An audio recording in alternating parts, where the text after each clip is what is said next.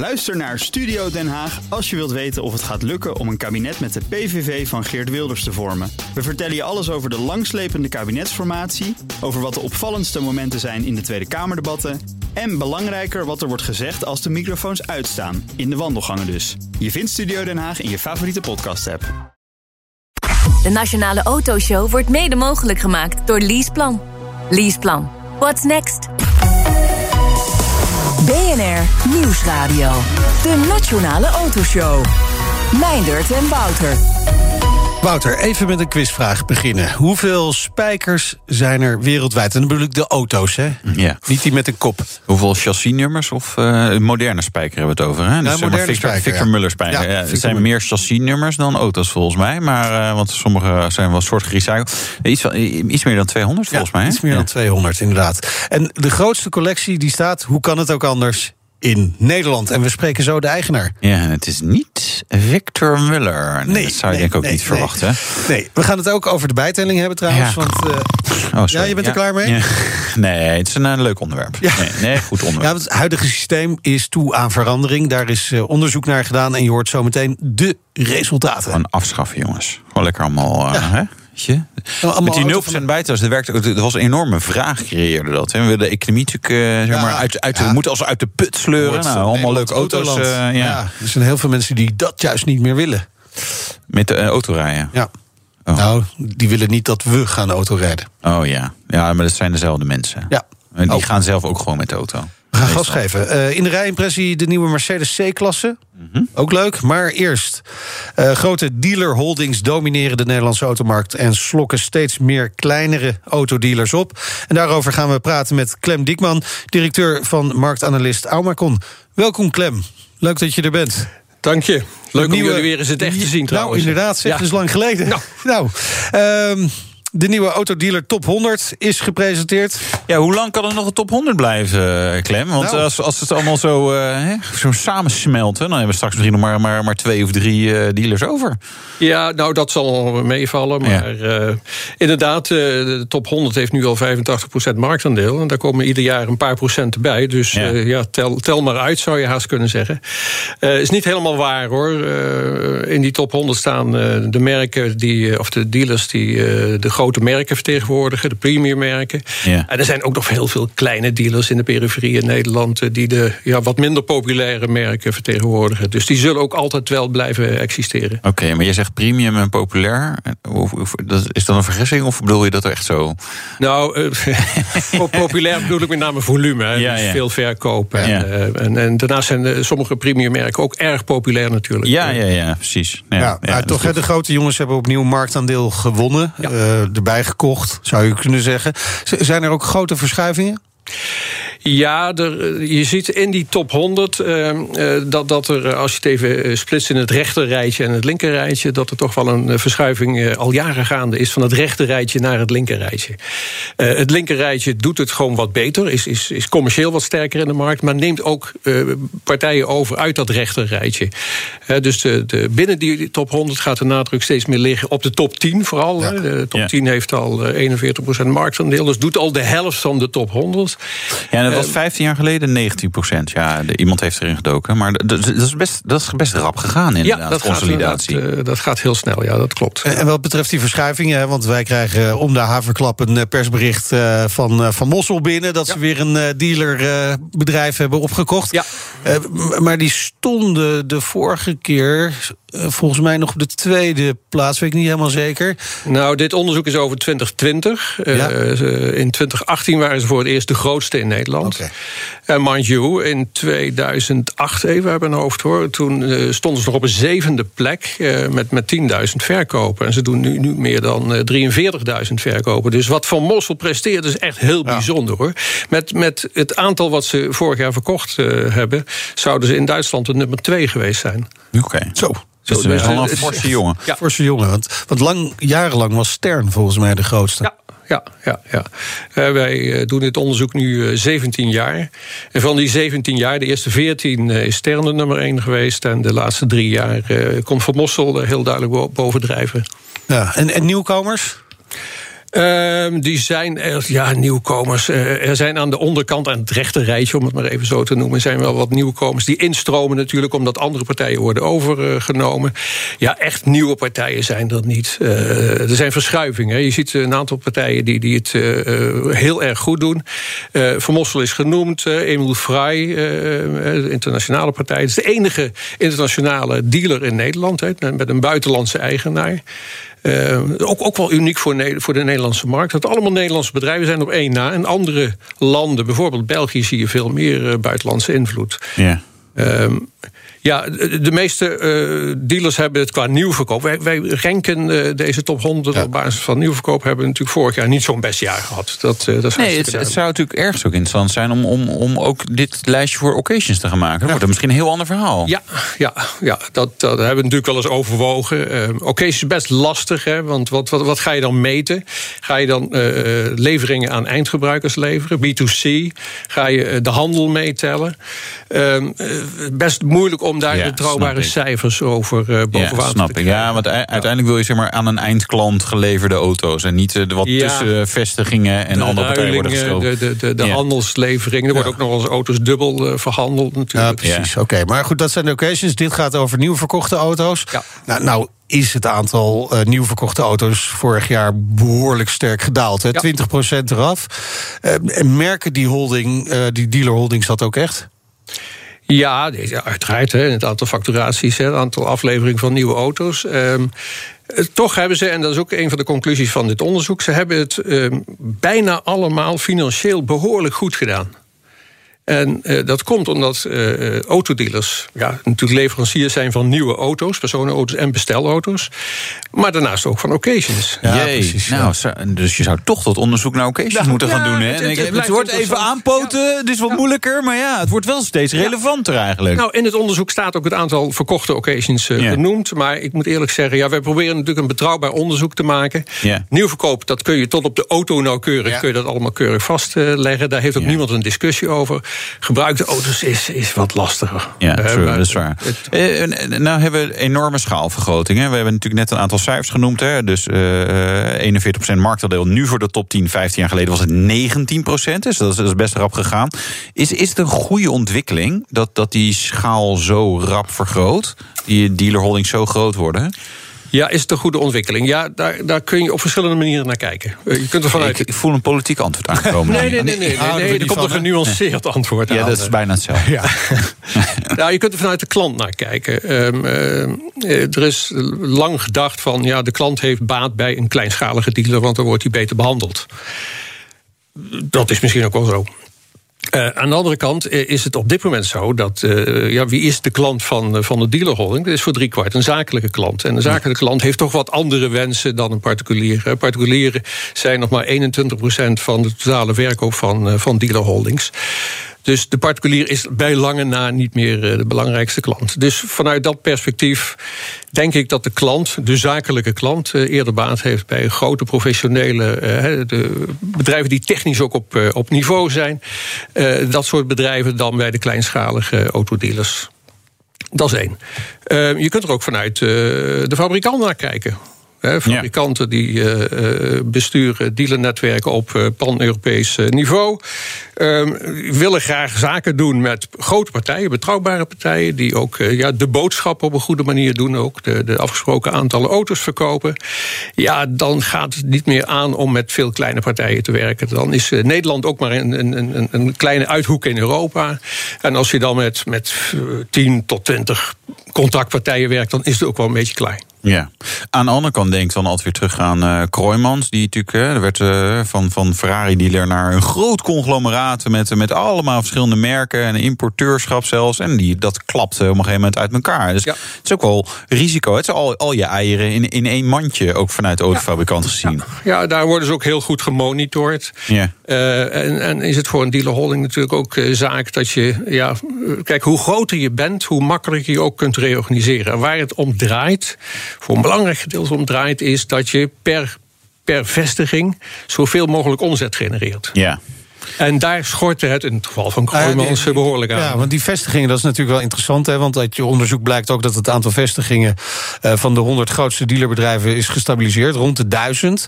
Je zou ook kunnen zeggen, ja, moet het niet gewoon omlaag? We zien steeds meer mensen die gewoon hun auto online bestellen... zeker als het een leaseauto ja, is. Sterker nog, een van de sterke stijgers was, uh, was Polestar volgens ja. mij. Nou, die hebben, die hebben geen dealers. Ja, nee. hebben een paar spaces. Zo'n flauwe winkelruimte waar dan één auto in staat. Ja, ja meer modellen ze kunnen altijd via Volvo uh, ja, okay. het een en ander doen. Hè? Ja, maar klopt. Hè? Het aantal vestigingen moet omlaag. Dat is een, een, een bedrijfseconomische noodzaak die, die veel holdings hebben. Uh, ik moet wel zeggen, ik, ik noemde het net al... de financiële resultaten over 2020 zijn behoorlijk goed. In het algemeen gestegen voor de meeste holdings. Dus die financiële noodzaak is wat minder groot geworden. Toch zullen ze er allemaal naar streven om, om, om naar minder outlets te gaan. Dat lukt maar heel matig. En dat komt ook omdat veel autodealers ook tegelijkertijd eigenaar zijn van het pand... of langlopende huurcontracten hebben afgesloten... ook in het kader van overnames vaker. dus ze komen er ook niet zomaar vanaf. Dat is, dat is lastig. Een beetje een olietanker die langzaam van koers ja. verandert. Ja. En ja. op een gegeven moment vast komt te liggen. Dat in een kanaal. ja, ja. Huh? ja goede, goede vergelijking. Ja. Uh, maar ja, er moet dus nog wel wat gebeuren. Maar dat, de, is dat langer termijn? Gaan we het aantal vestigingen zien teruglopen? Zeker, ja dat, dat is een ding wat zeker is. En dat, ja, het heeft ons ook wel een beetje verbaasd dat het afgelopen jaar uh, niet verder is teruggebracht. Het jaar daarvoor uh, was voor het eerst een daling uh, zichtbaar. Ja, de komende jaren zullen we dat ongetwijfeld doen. Yeah. Op dit moment zijn er ook heel veel overnames okay. aan de orde. Hè. De, bijna wekelijks wordt er wel een ja. overname. Ja, valt er nog wat over te nemen dan? Ik bedoel, alles ja. is toch al een beetje bij elkaar? Nee, maar het zijn ook vaak optimalisaties. Hè. ik zag vandaag ook overname van Broekhuis Volkswagen Amsterdam. Ehm, ja, dat is dan weer één vestiging. En, en dat past dan weer in het portfolio van een andere ja. dealer. Um, ze zijn met elkaar heel erg aan het kijken van wat is de ideale situatie. Ja. En er vinden ook nog wel eens ruilingen plaats van vestigingen. Oh ja. maar, maar goed, uiteindelijk gaat het aantal vestigingen omlaag. Wat, ja. wat, naar welk aantal zou dat moeten gaan, denk je? Ja, dat, dat, kijk, de top 100 heeft ongeveer duizend vestigingen afgerond. Nou, dan zijn er daarnaast nog uh, pakweg, hè, dus van, van de, de, de kleinere dealers... nog zo'n 500 vestigingen samen opgeteld, uh, 1500. Ja, het, naar duizend zou, zou toch wel een, een, hele gezonde situatie zijn. Ik denk dat het op zichzelf nog wel lager kan. De, de, de consument heeft weinig reden nog om naar een dealer toe te gaan. Je, gaat er, je zegt zelf al, uh, online gebeurt er ook al heel, heel veel. En uh, ja, hoe vaak koop je nou een nieuwe auto? Eens in de drie, vier, vijf jaar. Hoe vaak nou heeft hij straks de, nog onderhoud nodig als hij ja. elektrisch is? Hè? Nou, dus je komt er niet veel. gemiddelde Tesla, je ja. staat nog wel eens in, in de werkplaats. Ja. Maar dat geheel terzijde. Ja, ja, autoverkoop. Ja, of de kleinere dealerbedrijven. We hebben natuurlijk nog een aantal kleintjes. Is, dat, is dat gewoon een uitstervend ras? Of, of? Ja, die hebben toch wel een functie. Hè? Die, die, die uh, zijn over het algemeen gelokaliseerd in, in de periferie, de buitengebieden, de buitenprovincies van, uh, van Nederland. Vertegenwoordigen merken zoals Suzuki, Honda, Toyota toch ook nog wel een beetje, Mazda. Ja, hebben niet zozeer um, de rol als vertegenwoordiger van een merk... maar meer als, als lokale leverancier ja. van mobiliteit, zou je kunnen zeggen. Ja. Het is de dorpsgarage. Dus of die nou Mazda verkoopt of Suzuki... Dat maakt allemaal niet zoveel uit. Niet zo nee, als hij maar iets verkoopt, hè? Hij heeft een naam, hij, ja. dat is de man met het bekende gezicht... en uh, Uh, ja, en, en, men vertrouwt hem. Ah. Als we nou naar die autoverkoop kijken, want het, economisch herstel dat lijkt er wel aan te komen. Eerste helft van het jaar werden ten opzichte van vorig jaar ook iets meer nieuwe auto's verkocht, 3,3 procent. Kunnen we echt al spreken van een herstel, mager herstel? Ja, mager herstel. Mager herstel. Ja, veel meer ja. dan dat is het niet. Ja. Uh, 3,3 procent. Personenauto's, hè, het, het lollig is wel dat uh, de bestelautomarkt behoorlijk aan het aantrekken is. Hè. Plus, even kijken hoor, plus 30 procent al in de H1. Um, ja, en dat geeft ook wel economisch wat hoop. Hè? Want de bestelauto is toch ja. de trekker van de economie, zou je zeggen. Die komt alle pakketjes bezorgen. De pakketjes, ja. hè, de, ja. de en uh, noem het allemaal maar Loodgieter, zonnepanelen, nou, dat soort dingen. Ja, absoluut. Maar uh, we gingen natuurlijk van, van uh, een hele slechte markt. en toen kwam corona er nog overheen. en dan nu hebben we 3,3% herstel. Ja, dat, dat, dat, dat, is heel mager. als je de Nederlandse prestatie vergelijkt met, met landen om ons heen... dan, dan blijft blijft Nederland ver achter ook. Ja. In, in, de meeste grote autolanden zijn, zijn er al dubbele groeicijfers. Ja, de Nederlander heeft toch ook wel de, de occasion ontdekt. Ja, ja. ja, Maar waardoor kopen wij zo weinig nieuw? Ja, het is de vraag naar de bekende. Duur. Ja, duur. Kei duur, jongen. Ze, ze, zijn erg duur, dat klopt, ja. ja. Uh, ja, en ze zijn duur en ze zijn duur. Ja. Heb je drie goede argumenten waarom wij geen nieuwe auto's kopen of weinig? Uh, je ja, we, we, hebben daarnaast natuurlijk ook een goed, een goed wagenpark van gebruikte auto's. Ja, precies. precies de, de kilometerregistratie, een prima APK-systeem. Dus je kunt en ook heel we ook altijd nog bij een bepaalde buurlanden Vandaar dat we ze massaal importeren, zeg maar. Ja, ja. we hebben hele betrouwbare occasion, maar we kopen hem wel liever in Duitsland. Ja, we hebben natuurlijk in Nederland een occasion tekort. Je ziet ook de, de prijzen behoorlijk toenemen nog. Ik heb net de cijfers gezien per, per 1 juli. Ja, die zijn naar record. Dus niet alleen de verkopen zijn naar recordhoogte, maar ook de prijzen zijn naar record. Het drukt dus ook allemaal de verkoop van nieuwe auto's. Jij doet prognoses. Ja. Nou, dan, dan, dan, wat hoeveel de prognose dit voor dit jaar? Ja, onze prognose staat al enkele maanden op 380.000 nieuwe personenauto's. Zo, zo. Hij zit toch altijd wat lager dan de, de, de, de Rai Bovag? Heb ik het ja, nou, wij, wij uh, prognosticeren wat realistischer, zeggen we zelf. Van. Uh, ik moet er ook bij zeggen, wij, wij passen ook wel regelmatig aan natuurlijk aan uh, nieuwe marktomstandigheden. En, en uh, de, de, de, belangenclubs die, ja, die, die, die maken één prognose voor het hele jaar. Ja. En daar, daar, willen ze dan verder ook niet meer aankomen. dat is een andere methode. Ja. wij zitten op 380.000. De neiging op dit moment is wel, we hebben het nog niet officieel aangepast, om, om wat naar beneden te gaan. Oeh. Ja. 370? Ja, die, die kan. Die, die kan. Maar er komt nog een, een bijtellingsaanpassing hè, van 12 naar 16 procent. Dus ja. uh, krijgen we nog een lekkere dikke opleving eind van het ja, jaar? Ja, er komt ja. natuurlijk een oplevingje. En die uh, opleving is er ieder jaar. En, en die vlakt ieder jaar in, in, in, in, in grootte wat af. Uh, maar die zal er ook dit jaar zijn. Ik geloof ja. dat we voor december hebben staan voor, voor 35.000 auto's. En uh, dat was vorig jaar iets in de orde van 43.000. Een nou, dat, dus. dat stort wel in, zeg maar. Nou, stort in, maar het, het vlakt af. Het ja. effect vlakt af. En wat is het verschil nog tussen dus 12 en 16? Hè? Het, uh, het, uh, ja, er, zal, er zal weer een piek zijn. Een, een, effect van de bijtelling. En over de bijtelling gesproken, moet het huidige systeem misschien wel op de schop. Hè? Is de tijd rijp voor een variabele bijtelling? Ja, de resultaten van een pilot die de Vereniging Zakelijke Rijders heeft uitgevoerd zijn bekend. Voorzitter Jan van Delft, welkom in de uitzending. Ja, hartelijk dank. Goedemiddag. Bij het huidige bijtellingssysteem maakt het uh, niet uit hè, hoeveel je privé rijdt. Uh, Zo'n variabele bijtelling, daarbij zou dat anders zijn. Hoe, hoe werkt dat?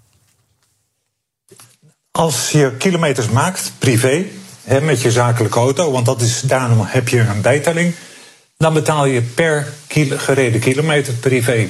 En uh, wat je betaalt, het bedrag per kilometer, is weer afhankelijk van de klasse van je auto. Een duurdere auto, uh, en die betaalt iets meer en een goedkopere betaalt iets minder. Ja, en, en wat voor soort bedrag zouden we aan moeten denken per kilometer?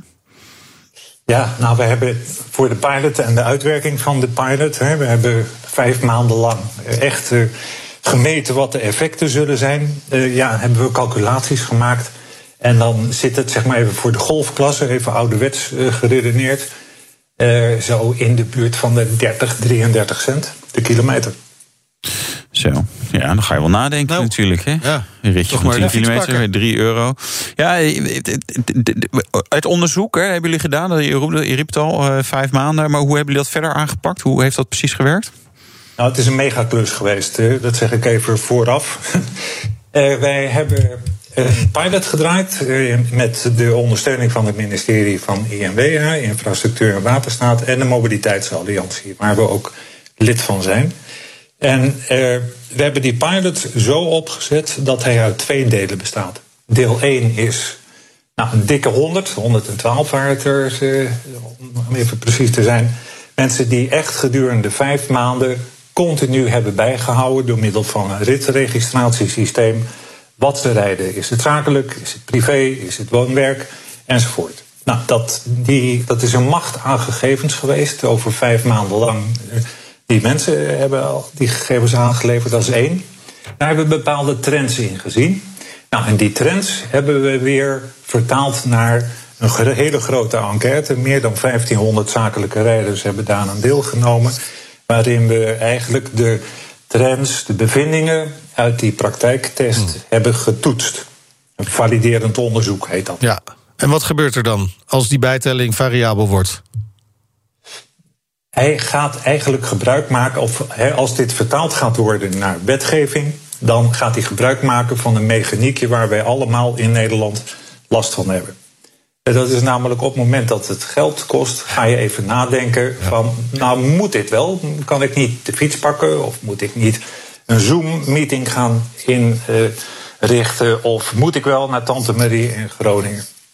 En, uh, het is wel heerlijk dat je dan vervolgens... Nee, ja, Sorry, schat, tante. nee, we kunnen echt niet langskomen. Weet je, weet je wat het kost? Ja, schoonfamilie, Ja, ver jammer. weg, kost heel veel geld. Kijk, we willen in, we willen in Nederland natuurlijk hè, die, die hele pilot en ook de mobiliteitsalliantie is opgezet om Nederland bereikbaar te houden. Dat Ja. is punt, punt één. En Nou ja, twee, eigenlijk ook wel vooral omdat ze iets hadden van... er moet nog een belasting worden geïnd. Hè? Dat, dat is ook een kleine eh, drijfveer eh, daarbij. Maar goed, ga verder.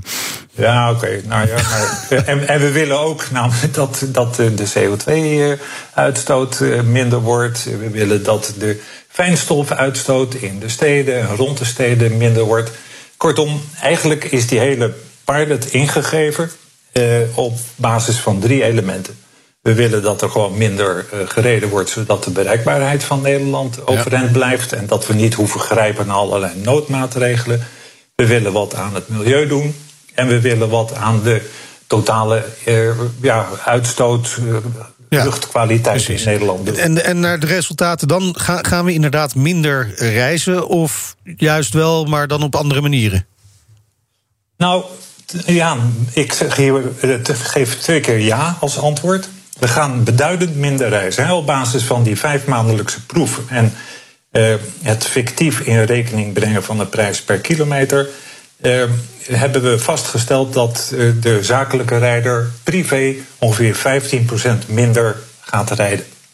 Dat is best veel. Hè? Ja. 15% denk je van, nou, dan heb ik nog 85 te gaan om tot de 100 te komen. Maar als je er even vanuit gaat dat we anderhalf miljoen zakelijke rijders hebben in Nederland, dan betekent die 15 als je dat doorrekent, ongeveer 1,2 miljard kilometer per jaar Wow. wordt er minder gereden. Ja, Dus dat is- dat is fors. best, dat is fors. Dat is echt fors. En hoeveel procent kiest ander vervoer? En eh, dan gaan we eigenlijk een beetje opsplitten. Eh, je hebt het fenomeen dat je ook vaak een tweede auto binnen het gezin hebt. U kent allemaal Ja. de, Volvo, de Volvo V70 met hondenrek. Ja, op, mijn, op, op het pad staat. ja, ja, het staat bij mij op het pad. Ja. allemaal. Ja. Ja. Ja. Nou, en men grijpt dus eigenlijk voor ongeveer 20% daarvan grijpt naar de andere auto binnen het eh, gezin. Ja. Maar ook eh, de fiets is heel populair. Hè, met name ook de gewone fiets, maar ook de elektrische fiets, die wordt ook als alternatief gebruikt.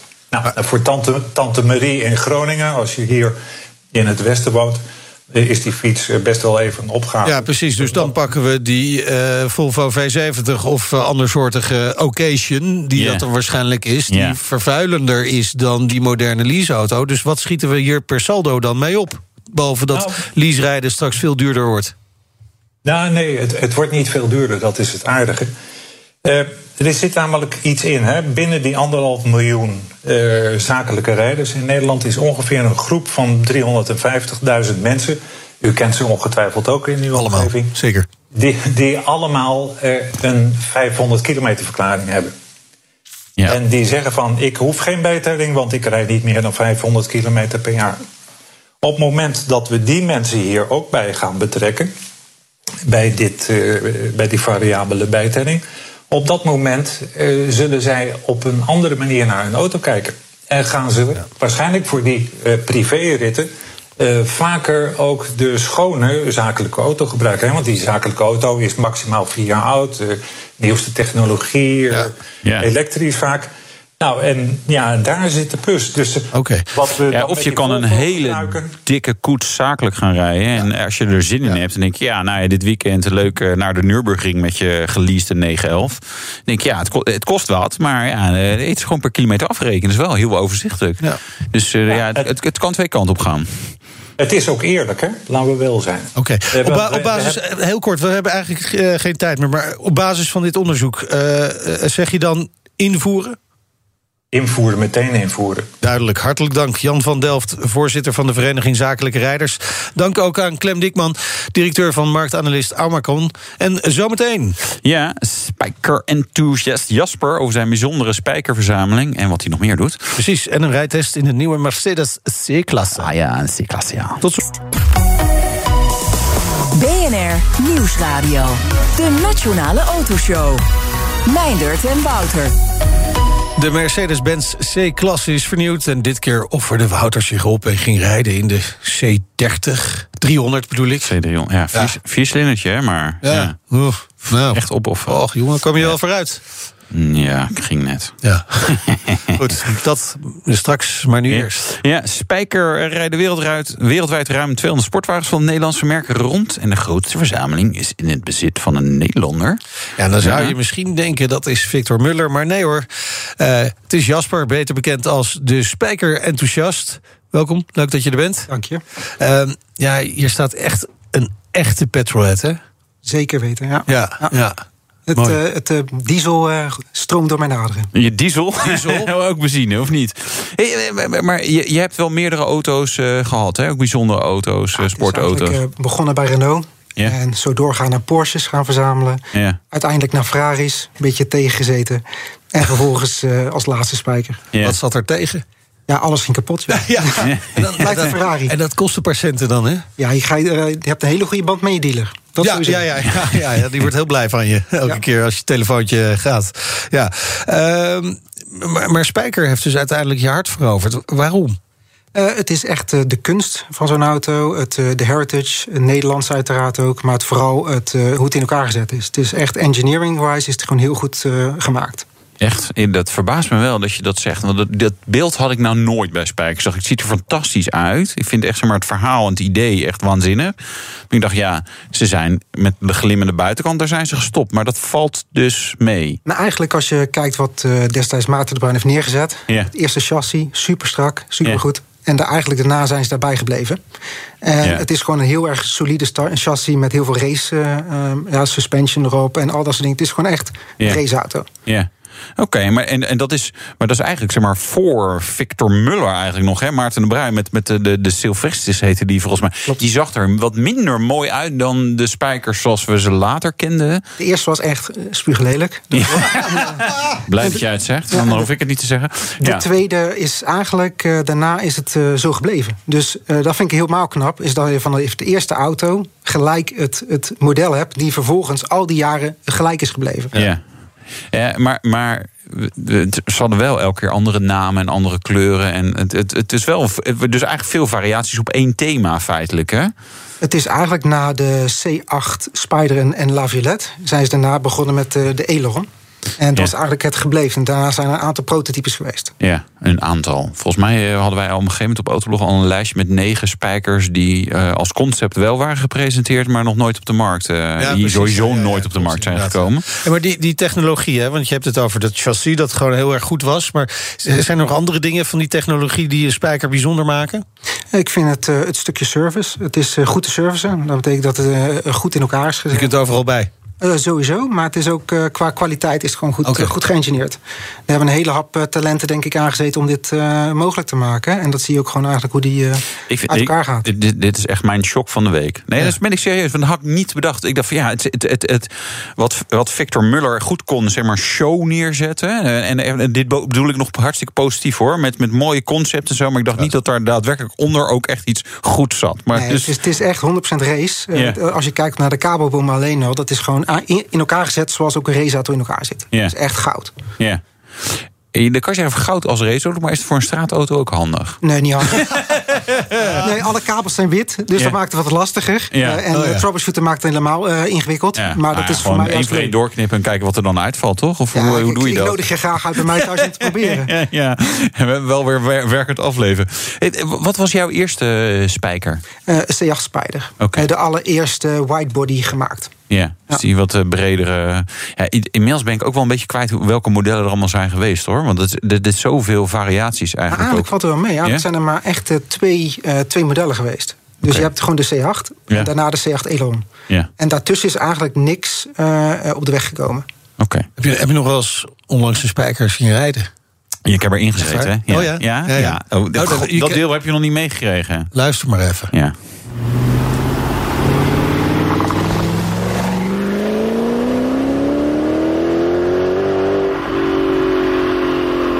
Wel van, van heel ver weg eh, opgenomen dit.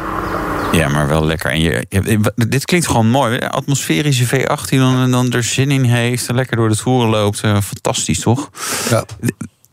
We hadden het over spijkerverzameling. Eh, het- het- je hebt er dus meer. Wel- wel- Welke heb je? Of, of doe een greep. Weet je, hoeft niet eh, tot achter de komma zeg maar, uit te leggen als je dat niet wil. Maar Ik heb de, de, de, de allereerste, eigenlijk de heritage auto's heb ik. Dus Ja. chassis nummer 1, 2, eh 5. eh, eigenlijk alle unieke auto's, eh, die heb ik in mijn verzameling. zo. Ehm, maar ik wil liefst echt de unieke hebben. Dus unieke kleur, een unieke ehm, opties, al dat soort dingen. Dat vind ik helemaal geweldig. Ja. Ja, maar zijn er veel dubbelingen dan geweest? Want zoveel auto's zijn er ook weer niet gebouwd. Nou, allemaal eigenlijk- uniek. Nou, als je bijvoorbeeld een, een, zwart, een zwart met cognac in je interieur... dat is eigenlijk bijna de helft al. Ja, Oké. precies. Die waren Ja. heel populair. Ja, ja als je het echt niet meer weet, dan koop je dat. Ja.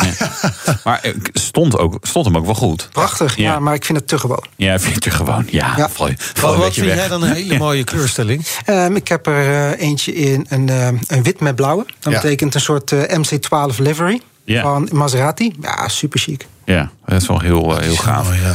Ja. Eh, eh, Ben je, blijft het hierbij? Ben je klaar met verzamelen of is het altijd eh, on the hunt? Nee, ik heb er nu weer twee gevonden. Ja. eentje in China en eentje in? Dubai. Ja. ja, en die zijn ook weer onderweg.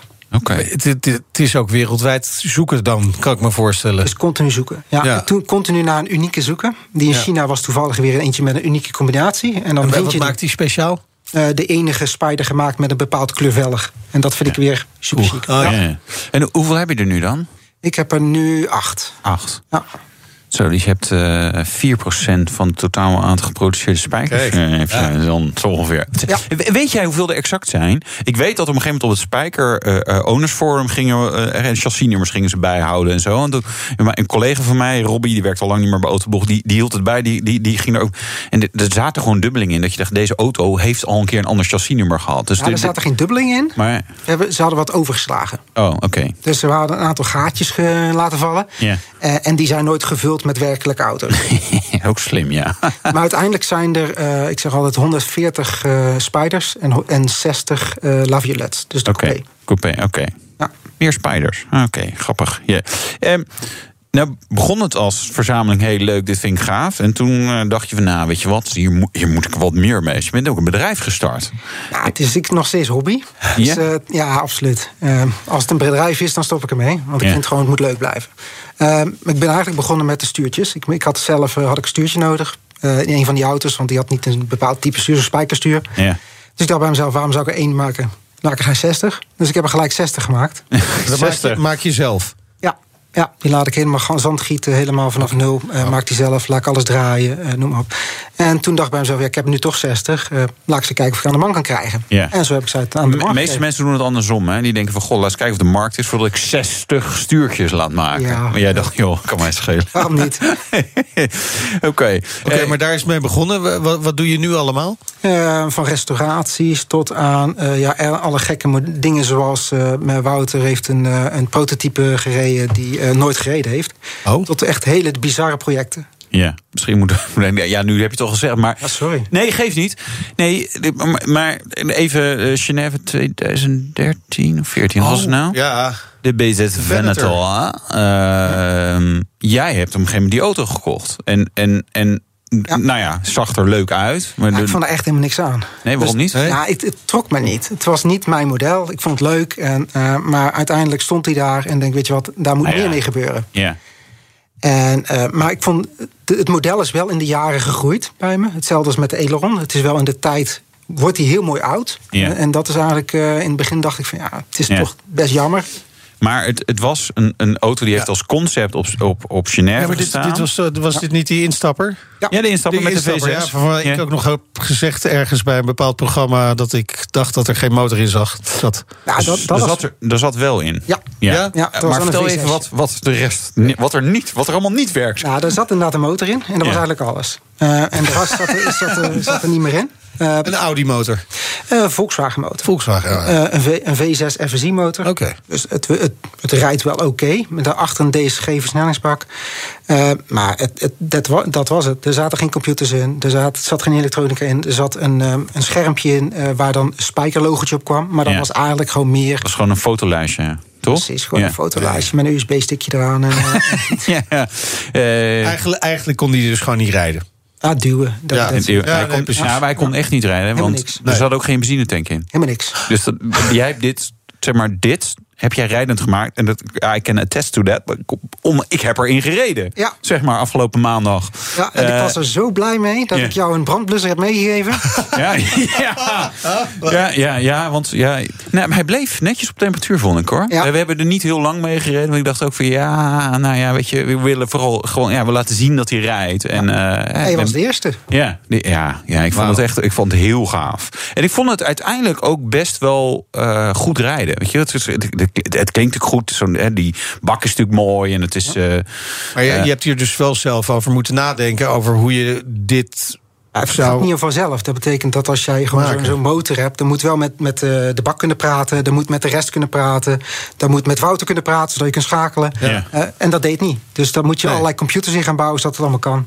Ja. Ja, maar heb je, heb je daarbij heel erg gedacht, het moet wel spijker blijven. Dus ik ga kijken naar hoe andere spijkers in elkaar zitten. En dat ga ik kopiëren in deze eh Venator. Ja. Ja, eigenlijk alles wat destijds Victor gezegd heeft, Ja. wat het zou doen, zou het zo moeten zijn. Oké. En, en dat is eigenlijk heel het concept geweest. Wat het had moeten zijn, moet het zijn. ja. En niet iets anders. En word niet- jij daar dan eh, heel erg blij van?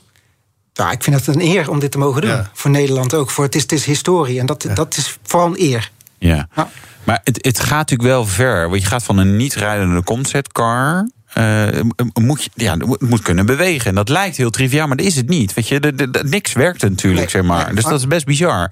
Nee, en, en, en, nou ja, ik heb je vriendin natuurlijk ontmoet. Of je vrouw, weet ik nog niet. Is vrouw of vriendin? Nee, nee, de, vrouw gelukkig. Vrouw, vrouw. Ja, ik kan niet makkelijk voor elkaar nooit nee, ja, nee, nee, nee, maar dat, ja, die- van, nou, die Jasper die, die moet hier zeg maar een zeeën van tijd in hebben gestopt. Want het is enorm veel werk, toch? Dit is toch hoe lang ben je ermee bezig geweest? Dat is anderhalf, twee jaar. Ja, Ja. Zo ongelooflijk. Heb je ergens bedacht van, nou, oh, dit gaat hem niet meer worden zo? Nee, nee, nee. Dat- Dat, dat, nooit. Dat nee. komt niet in jouw woordenboek voor. Nee, het is gewoon altijd een beetje toch... eh, het, het spijkerthema is toch op mijn lijf geschreven. Ja. Eh, en we gaan het gewoon doen. Het is, Ja. En het is dus gelukt. Wouter heeft erin gereden. We Ja. binnenkort op Autoblog. Ja, eh, als het goed is bijna de video bijna live op autoblog.nl. Of eh, als je dit in herhaling luistert, dan zeker. Nee, ja, weet je, gewoon eh, laten zien hoe bijzonder het is. En, en, en, en een stukje gereden. Maar ik kreeg een brandblusser erbij. Dus ik dacht, nou, we gaan niet eh, zeg maar alles uitproberen. Maar het reed echt gewoon. Ja, Ja. Ik, vond, het gewoon heel Oké. gaaf. En Maar- het is, weet je, als je ermee rondrijdt, zie je mensen echt zeg maar, voor die vallen van hun fiets af Ja. om wat, wat er voorbij komt. Dus Maar dat dan dan heb ik nog wel een interessante, Jasper. Want eh, dan is er nog wel een modelletje wat rijdend gekregen kan worden, denk ik. ik Nou, nog wel een paar, ergens- hoor. Ja. Maar Maar een van, de, van, de, een van de meest bijzondere was, denk ik dan... eh, ik sprak Victor Muller destijds op de autorij.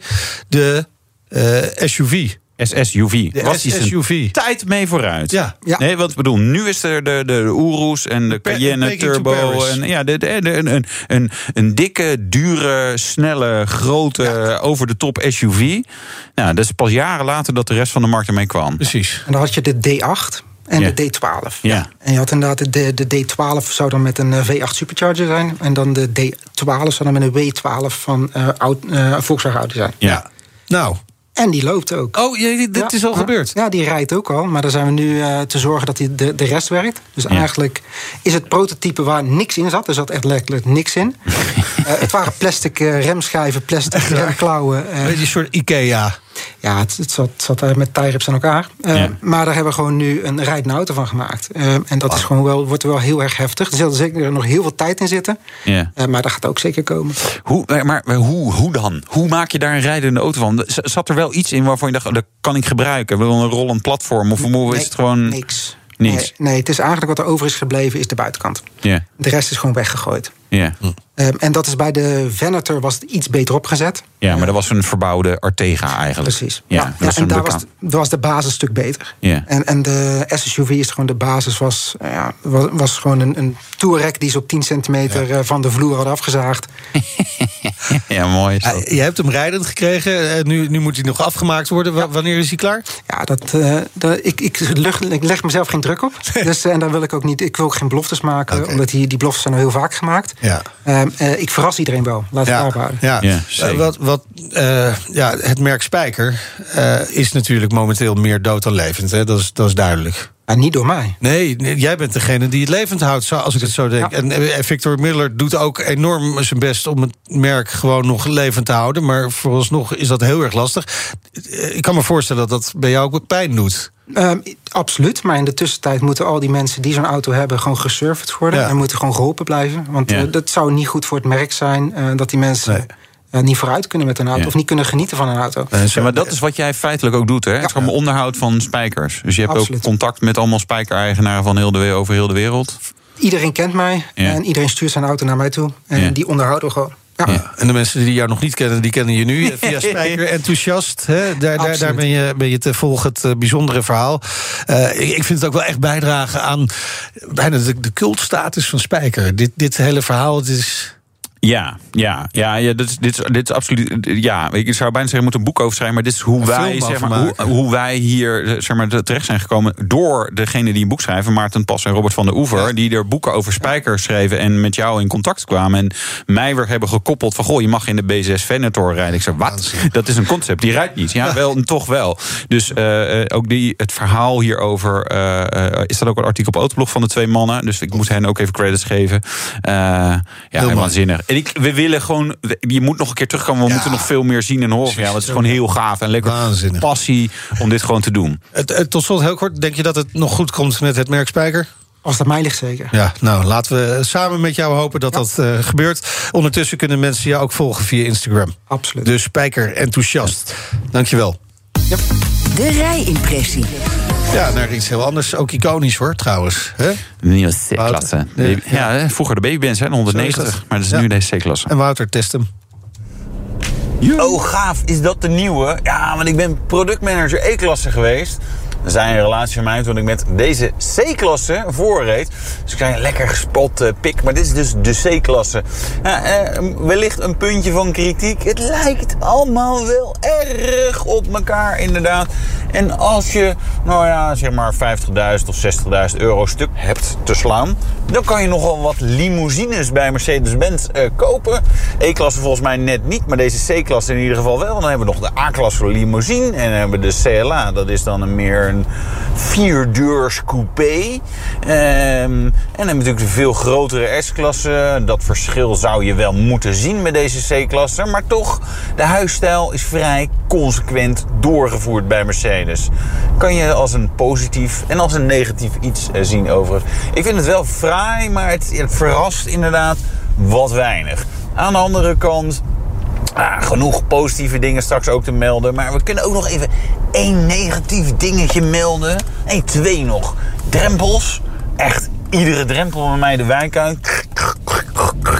Voor en achter kraakt dan de boel. Raakt allemaal net eventjes uh, de drempel of iets anders. Nou ja, weet je, dat is irritant. Maar blijkbaar is die toch wel laag. En dan toch wat soepeltjes geveerd. Um, dat is puntje 2 van kritiek. Puntje 3 van kritiek.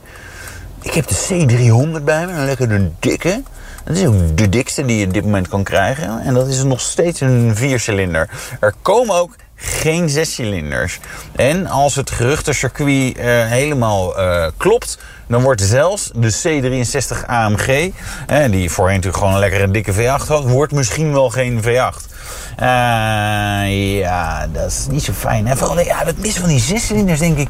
Ja, aan de ene kant, zeg maar, niemand kocht dat nog in Nederland. Hè. Dus het zal vooral voor de Duitsers misschien even schrikken zijn. Voor het gevoel, want ook daar kochten ze al en masse viercilinders. Maar toch, weet je, bij een premium merk ja, hoort dat toch een beetje. En als we ook in de historie kijken, hè, de compacte Mercedes-Benz limousine, daar hebben ze er al 10,5 miljoen van gebouwd. Ze zeggen zelf, ja, 10,5 miljoen C-klasses. Nou, dat is niet helemaal waar. Er staat ook wat Mercedes 190's bij, hè. In de jaren 80 was dat de Baby Benz. En zelfs die Baby Benz was er als 190e 2,6. En dat was een mooie 6 in lijn. Heerlijk smeuig. 160 stampende paarden. Nou ja, dat wordt in ieder geval wel overtroffen in werkelijk iedere versie van de huidige C-klasse. Want we beginnen bij de C180 en die heeft een anderhalf liter viercilinder met turbo overigens. Uh, 170 pk. Dat loopt trouwens gewoon 231 km per uur. 231 km per uur in de basismotorisering. Toch best rap. Uh, nu we het toch hebben over motoriseringen. Het zijn dus allemaal viercilinders. Er, er komt straks een plug-in hybride overigens. Die is er nu nog niet, maar die komt er wel. Uh, met een vrij grote accu. Zodat je in de WLTP-cyclus al 100 kilometer elektrisch zou moeten kunnen rijden. Nou, dat is in de praktijk misschien eens 70, 60, 70, 80. Hangt een beetje van het weer en waar je rijdt zijn. Maar dan kan je toch best wel veel elektrisch rijden, hè, potentieel. Um, maar die is er nu nog niet. Dus nu even concentreren wat er wel is. Nou, dat zijn ook allemaal hybrids, miles hybrids. Dus die hebben een geïntegreerde starter, engine, generator, alles, alles is in één. Um, die kan 20 uh, pk leveren, zeg je dat goed? Volgens mij was het iets minder, maar goed, maakt niet zoveel uit. In ieder geval biedt ondersteuning soms bij het wegrijden en kan ook lekker agressief start-stop doen. Uh, accupakketje, wat een klein accupakketje is, bijladen. Daar kan je feitelijk niet echt elektrisch mee rijden, maar zorgt er wel voor dat alle motoren lekker zuinig zijn. En het grappige is, is dat we dus ook allemaal die technologie hebben, inclusief de diesels. En als je nu de dikste C-klasse wil hebben, dan is dat in Nederland, maar ook in de rest van de wereld, nog de C300D. Dat is ook een 2 liter 4 cilinder, maar dan diesel, turbodiesel, twee turbo's. Die heeft 550 Nm aan koppel en 265 pk. Dat is alleen uit verbrandingsmotor en dan komen de electro power komt er nog een beetje bij. Dat is een dieseltje, 4 cilinder dieseltje die in 5,7 seconden naar de 100 sprint en 250 km per uur haalt. Ja, dat is de nieuwe Mercedes C-klasse. Is die beter geworden, zoals gebruikelijk eigenlijk? Ja. Toch? Het is ja? karakter wel echt veel meer comfort dan de BMW 3-serie bijvoorbeeld. Zo. Nee, het is ja, een hele fijne auto. Tikje saaiig. Om, ik, ik hou ook wel van een auto waar je dan in sportstand eventjes kost die. Vanaf 48.280 euro voor de C180. En deze was 63.000 oh, ja. euro. Plus nog 13.000 euro opties. Dus ja, ik ben nog een beetje aan het stuiteren van het spijkerverhaal. Ja, en vooral... Ik ga het denk ik even terugluisteren.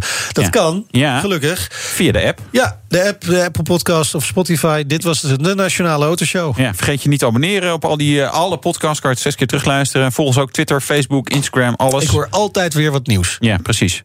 Dat is gek, hè? Ja. ja. ja. Je luistert gewoon niet goed. Mijn naam is Meijnerd Schut. En ik ben Wouter Karsen. Tot volgende week. Doei. De Nationale Autoshow wordt mede mogelijk gemaakt door Leaseplan. Leaseplan. What's next? Ook Hugo Reitsma vind je in de BNR-app. Superhandig die BNR-app. Je kunt alle programma's live luisteren, breaking nieuwsmeldingen. Je blijft op de hoogte van het laatste zakelijke nieuws. En je vindt er alle BNR-podcasts, waaronder natuurlijk de belangrijkste, Boeken zijn in de wijk. Download nu de gratis BNR-app en blijf scherp.